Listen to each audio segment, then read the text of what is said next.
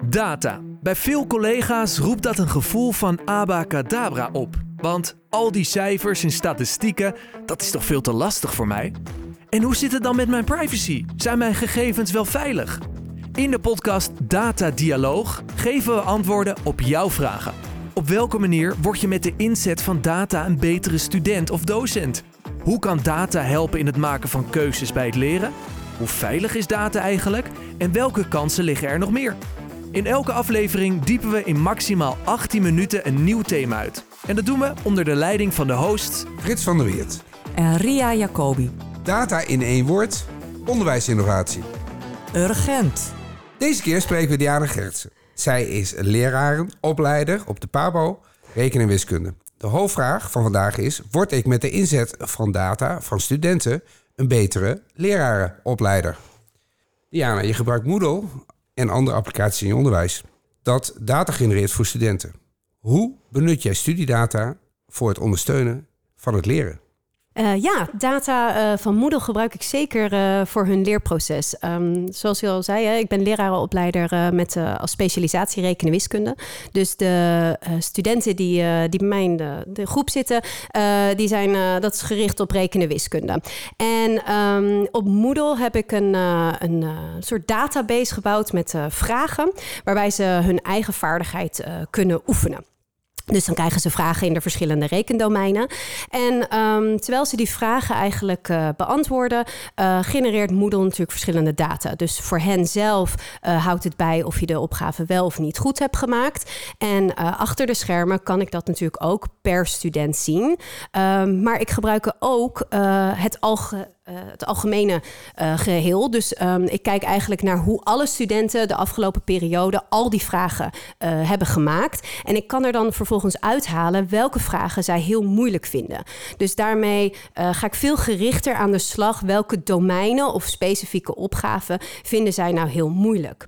Dat maakt ook dat ik mijn bijeenkomsten eigenlijk kan aanpassen. want ik gebruik die, ik zet die data echt in voor de aansturing. Nou, de aansturing kan zowel fysiek zijn als via Moodle door bijvoorbeeld een, een kennisclipje of een uitwerking te maken die passend is bij die, uh, bij die vraag. En op die manier uh, kan dus niet alleen de student ervan profiteren, die learning analytics die Moodle genereert, maar ik zelf dus ook op verschillende manieren, individueel, groep, lange termijn, um, dat we er eigenlijk met z'n allen ja, van profiteren. Ja, want de hoofdvraag was: hè, van word ik een betere docent als ik ja. uh, data gebruik? Uh, ga daar nog wat, wat verder op in. Ik ben wel nieuwsgierig van wat, wat brengt het jou als docent? Ja, nee, dat snap ik. Um, want het is, het is voor mij heel logisch om zoveel mogelijk aan te sluiten bij het leerproces van de studenten. Op het moment dat je een soort maatwerk kan leveren uh, zonder dat je echt individueel onderwijs gaat geven, maakt dat mij een betere docent. Want we hebben die wisselwerking tussen student en docent uh, die bijdraagt aan het leerproces. Dus op deze manier um, kan ik eigenlijk de data inzetten om individueel beter te begeleiden. Dus dat helpt mij als docent echt in dat één op één contact. Maar ook maakt het mij een betere docent omdat ik in het grotere geheel verbeteringen kan uh, toepassen. En die kennis ook weer kan inzetten om nog beter passend onderwijs te bieden aan alle studenten die wij, uh, die wij hebben. Kun je daar een voorbeeld van geven? Hè? De, uh hoe je dat doet? Nou, heel concreet uh, zag ik bijvoorbeeld in de Learning Analytics zag ik dat een bepaalde opgave heel slecht gemaakt werd. Dit was een opgave waarbij het ging om verhoudingen, um, waar eigenlijk bijna alle studenten wel, nou ja de mist ingingen en dus niet goed door hadden wat ze moesten doen.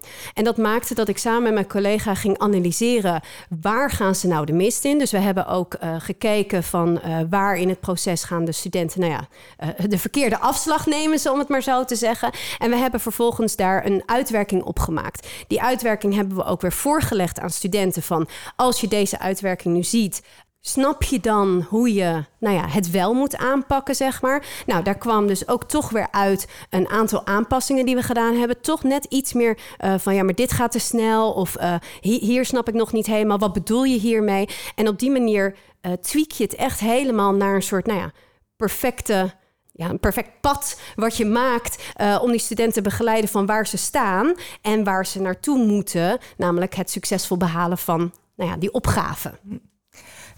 Ik leer ook altijd hè, met, met het inzetten van data kun je veel beter op maat hè, en, en, studenten op hun eigen specifieke vraag ondersteunen. Zie, zie je dat gebeuren? en, en Um, ja, nee, zeker. En wat is de reactie van studenten? Ja, nee, het, uh, het fijne is dat ik die, um, die database die ik dus, die vragendatabase, die heb ik op verschillende manieren ingericht. Um, die heb ik aan de ene kant ingericht waarbij ze heel gericht op een domein kunnen oefenen. Want het rekenen, wiskunde bestaat natuurlijk uit verschillende uh, rekendomeinen. dus ze kunnen gericht een domein oefenen om dus te voorzien in waar zij nog de meeste moeite hebben. Daarnaast heb ik hem uh, zo gebouwd dat je hem ook kan inzetten als een simulatie voor de test die zij moeten doen. Uh, sommige studenten hebben toch wel ja, een bepaalde, niet zozeer angst, maar ze willen toch graag dat, dat gevoel van een test nabootsen om onder tijdsdruk ook te presteren. Um, dus dan kunnen ze het ook op die manier eigenlijk inzetten. En doordat je dan uh, uh, eigenlijk de verschillende mogelijkheden hebt binnen Moodle met dezelfde database aan vragen, maar de, de uitvoering, de interface is eigenlijk uh, anders. Voorzie ik veel meer in de verschillende behoeften van studenten. En bied je dus eigenlijk een soort oplossing voor een vraagstuk waar zij mee zitten. Dat kan zowel inhoudelijk gericht zijn of dus in de uitvoering uh, gericht zijn, opgericht zijn. Als je nou kijkt, hè, want je hebt dit verder gebracht. Er zijn vijf PABO's binnen in Holland, vijf verschillende locaties. Ja. Hoe heb je dat onder de aandacht gebracht bij je collega's? Hoe, hoe. Het, het, is echt ontstaan um, vanuit een soort behoefte uh, dat studenten deze vraag hadden. Daar begon het eigenlijk mee. Um, we hadden al een gezamenlijke zelfstudieomgeving waar studenten van alle locaties terecht konden. Maar je merkte toch heel erg dat het eigenlijk alleen maar gebruikt werd uh, door de digi-studenten uh, van de locatie Den Haag. wat ik vervolgens ben gaan doen, is dat ik bij verschillende collega's het idee heb uitgevoerd Um, ik heb daar ook een projectaanvraag op gedaan. Dus dat betekent dat je ook presenteert in je vakgroep uh, wat jouw idee is. Um, en wie daar eventueel bij zou willen helpen. Um, nou, in dit geval heb ik het uh, samen met een andere collega gedaan van een, van een andere locatie. Dus dan heb je eigenlijk al twee van de vijf locaties heb je dan al. en in de evaluatie, dus naarmate het steeds verder nou ja, groter ging worden, die database, hebben we elke keer op studiedagen, wanneer alle vijfde locaties bij elkaar waren hebben we laten zien waar staan we nu. Uh, dus eerst uh, was het eigenlijk van nou de database, hoe ziet die eruit? Ik heb collega's benaderd, heb je nog vraagstukken die je kan invoeren? Dus echt wel actief uh, erbij betrekken. de tweede stap was eigenlijk ehm, hen laten zien van nou dit, dit, dit hebben we nu en wat kunnen we dan hiermee? Dus ze meenemen in Moodle achter de schermen, om het maar zo te zeggen. ook laten zien hoe zij eventueel een vraag zouden kunnen toevoegen. En de derde stap was dat we de learning analytics uh, op de studiedag uh, gezamenlijk gingen bekijken. Um, wat kwam naar voren van vraagstukken die slecht gemaakt werden? Um, wat nemen we hier dus van mee in onze fysieke bijeenkomst en onze aansturing via Moodle? En op die manier um, hen dus weer betrekken bij eigenlijk wat de learning analytics uh, ja, gingen genereren voor ons. En uh, daar heb ik dan weer in de projectaanvraag nou ja, verder op geanticipeerd uh, door wat meer uitwerkingen te doen. En nu heb ik het project eigenlijk overgedragen aan weer twee andere collega's. Want ja, op die manier krijg je eigenlijk dat draagvlak. Um, dus die heb ik weer ingewerkt op, nou, hoe, hoe doe je dat dan eigenlijk? En zij hebben het nu van mij overgenomen en houden de boel draaiende samen met een paar andere collega's die inhoudelijk meehelpen. En zij doen de, en de, de, de, analyse van de data eigenlijk, uh, doen zij dan weer. En dat wordt dan in januari weer bij de volgende uh, vakgroep uh, uh, dag wordt het weer gepresenteerd en gedeeld met elkaar. Dus het is echt een, een proces om die olievlek um, uit te rollen onder alle locaties. En het is echt belangrijk om elkaar steeds daarin mee te nemen, stap voor stap dat is wel, uh, dat heb ik wel geleerd. Ja, uh, interessant. In de loop der tijd. interessant. Um, hè, want je, je bent ook bezig om het uit te breiden en mede-collega's ja. mee te nemen. Op basis van jouw ervaring, wat heb je als docent nodig aan kennis en vaardigheden? Wil je die data goed benutten in je onderwijs? Nou, je hebt wel ten eerste kennis nodig van Moodle. Want je, we hebben allemaal een, een vakexpertise. Dus in, in mijn geval, al mijn collega's hebben verstand van rekenen. Uh, rekenen, de oplossingen kunnen we allemaal wel vinden. Maar je hebt verstand van Moodle in de zin van hoe de applicaties binnen Moodle werken.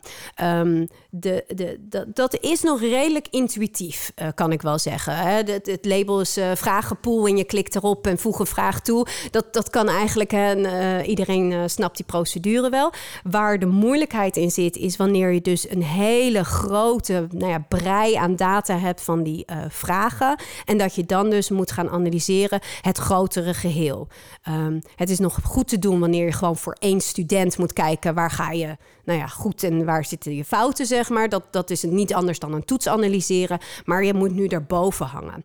En je merkt dat. Nou, veel van mijn collega's hebben bijvoorbeeld al uh, een BKE gehaald. Die, die kunnen eigenlijk al toetsen maken en analyseren. En wat je nu dus doet, is die vaardigheid eigenlijk inzetten in de digitale uh, datawereld. Um, en je merkt dat daar, wanneer ze dus al wat kennis daarvan hebben, die transfer naar de moederomgeving uh, goed te doen is wanneer je dat samen gaat doen. En dat is wel eigenlijk, dat zou wel mijn tip dan zijn, is dat je uh, niet in je eentje naar data moet kijken, maar samen naar data moet kijken om te kijken waar zitten patronen, um, waar zie je uitval, zit dat in de vraag of zit dat in de uitwerking of waar zit dat precies in? Um, dat je op dat niveau er naar kan kijken. Dus kennis van Moodle. Ja. Maar ik hoor jou ook in de tip zeggen van... je moet ook toch wel iets weten van hoe, hoe kijk ik naar data. Ja, dus een beetje absoluut. data, awareness, data, ja. kennis. Wat zegt het over een student? Ja. Uh, en, en wat zegt welke over analyses groep? moet ik maken? Ja. ja, echt een grote groep. Want één student analyseren is nog wel te doen... Maar wanneer je er van 200 het moet analyseren, wordt het echt wel een ander verhaal. Ja. En dan moet je op dat metaniveau gaan zitten ja. en kijken wat zegt dat nou, uh, wat haal ik hier uit. Heb je nog een andere kennis en vaardigheid die je vanuit jouw ervaring kan zeggen? Dat moet je toch wel weten, um, kunnen. Ik denk dat het, dat het belangrijk is dat je beseft hoe je data combineert met jouw vakinhoud. He, dus dat je wanneer je een trend in de data ziet, dat je die slag kan maken uh, naar um, uh, jouw vakinhoud. Uh, want op het moment dat je die link niet kan leggen, uh, of er komt bijvoorbeeld iets uit wat niet logisch is, hè, dus een bepaalde vraag is slecht gemaakt, en je gaat kijken, maar dit is helemaal dit, dit, domein zou helemaal niet een probleem moeten oplossen. Dan moet je dus kijken naar de vraagstelling van de vraag, bijvoorbeeld. Dus je moet wel uh, ook kijken of het logisch is wat er uit komt rollen. En tegelijkertijd ook openstaan dat er iets uit kan rollen wat je wellicht helemaal niet had verwacht in eerste instantie. Maar dat toch, ja, laat je bijna verbazen door wat de data jou gaat vertellen. En die open houding, dus aan de ene kant uh, common sense, maar ook een open houding uh, van wat eruit kan komen, want je weet niet alles intuïtief. Uh, die, die combinatie heb je denk ik nodig.